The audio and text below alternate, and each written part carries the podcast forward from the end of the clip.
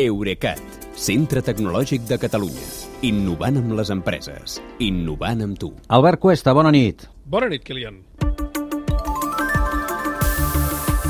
Bé, Albert, si ens refiem que ets l'Albert de veritat i no un fake, eh? com va passar fa uns dies amb Michael Schumacher. Uh, sí, crec que sóc jo. Eh? D'acord. Uh, el setmanari alemany Die Actuel uh, anunciava la setmana passada la seva portada, crec que ho va comentar la Marta Montaner. Sí, i tant. La, la primera entrevista que el pilot de Fórmula 1 concedia des de l'accident que va patir esquiant ja fa més de 9 anys. Uh, naturalment, l'article va aixecar molta expectació, Tu però quan diràs. el llegies... sí, clar, perquè a més la foto de portada en primer pla del Schumacher somrient, però quan llegies el text resultava que les respostes no eren de Schumacher, sinó que les havia generat un chatbot d'intel·ligència artificial.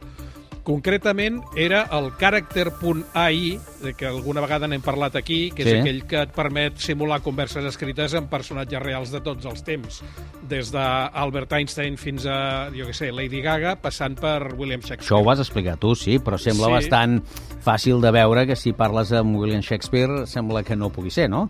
Però, però, però en canvi sí que seria notícia que Michael Schumacher després de Certament. gairebé 10 anys eh, de convalescença eh, atengués un periodista. Uh, en aquest cas, el suposat Schumacher explicava coses sobre el seu estat de salut i sobre el suport que rep del seu entorn familiar. Però, és clar, en realitat no les deia ell. I quan s'ha sabut l'engany, hi ha hagut tal escàndol que l'editorial ha, ha acomiadat la directora de la revista i s'ha disculpat. Uh, tot això, tot i això, la família de Schumacher ha dit de Reuters que tenen intenció de demandar la publicació i, francament, trobo que fan ben fet. Em fa tot l'efecte que, que, que aquest cas, i diguem casos semblants a aquest, seran cada vegada més habituals.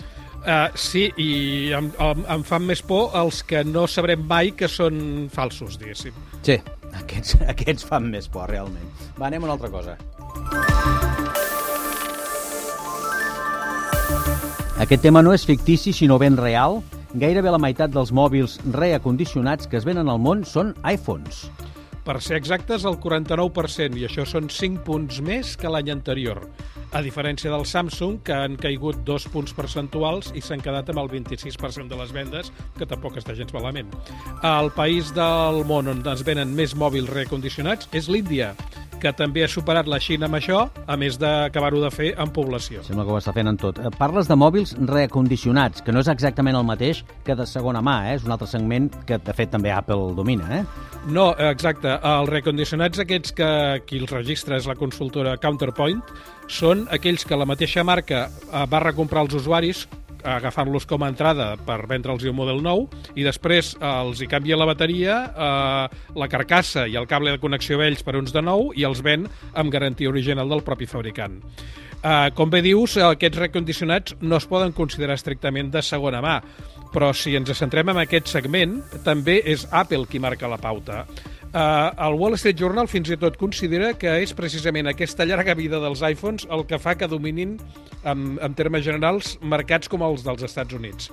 I és que, a diferència dels d'altres marques, els mòbils d'Apple solen tenir dos o fins a tres propietaris i ni que sigui un iPhone antic que li dones al teu fill perquè jugui, i fins i tot en aquest cas continuen generant ingressos a Apple perquè solen tenir una subscripció a Apple Music o al servei Apple Arcade de videojocs. Tot i això, el motiu principal perquè els iPhones es facin servir durant més temps és que Apple és la marca que ofereix actualitzacions del sistema operatiu pels aparells més antics. Uh, la versió actual d'iOS, la 16, encara funciona prou bé amb telèfons de l'any 2017. Uh, val a dir que altres marques com Samsung també estan ampliant darrerament amb els últims anys el període d'actualitzacions. Però això sempre ha sigut una característica que distingeix Apple i és per això que els consumidors de tot arreu compren els iPhones encara que siguin més cars, doncs saben que si els tracten bé els duraran més temps. O fins i tot, si els acaben venent algú altre, en podran treure més diners. Bé, doncs ja sabeu que al darrere de tot plegat sempre hi ha l'interès de vendre molt. Eh? Moltes gràcies, Albert, i que vagi bé. Bona nit, Kilian. Fins demà.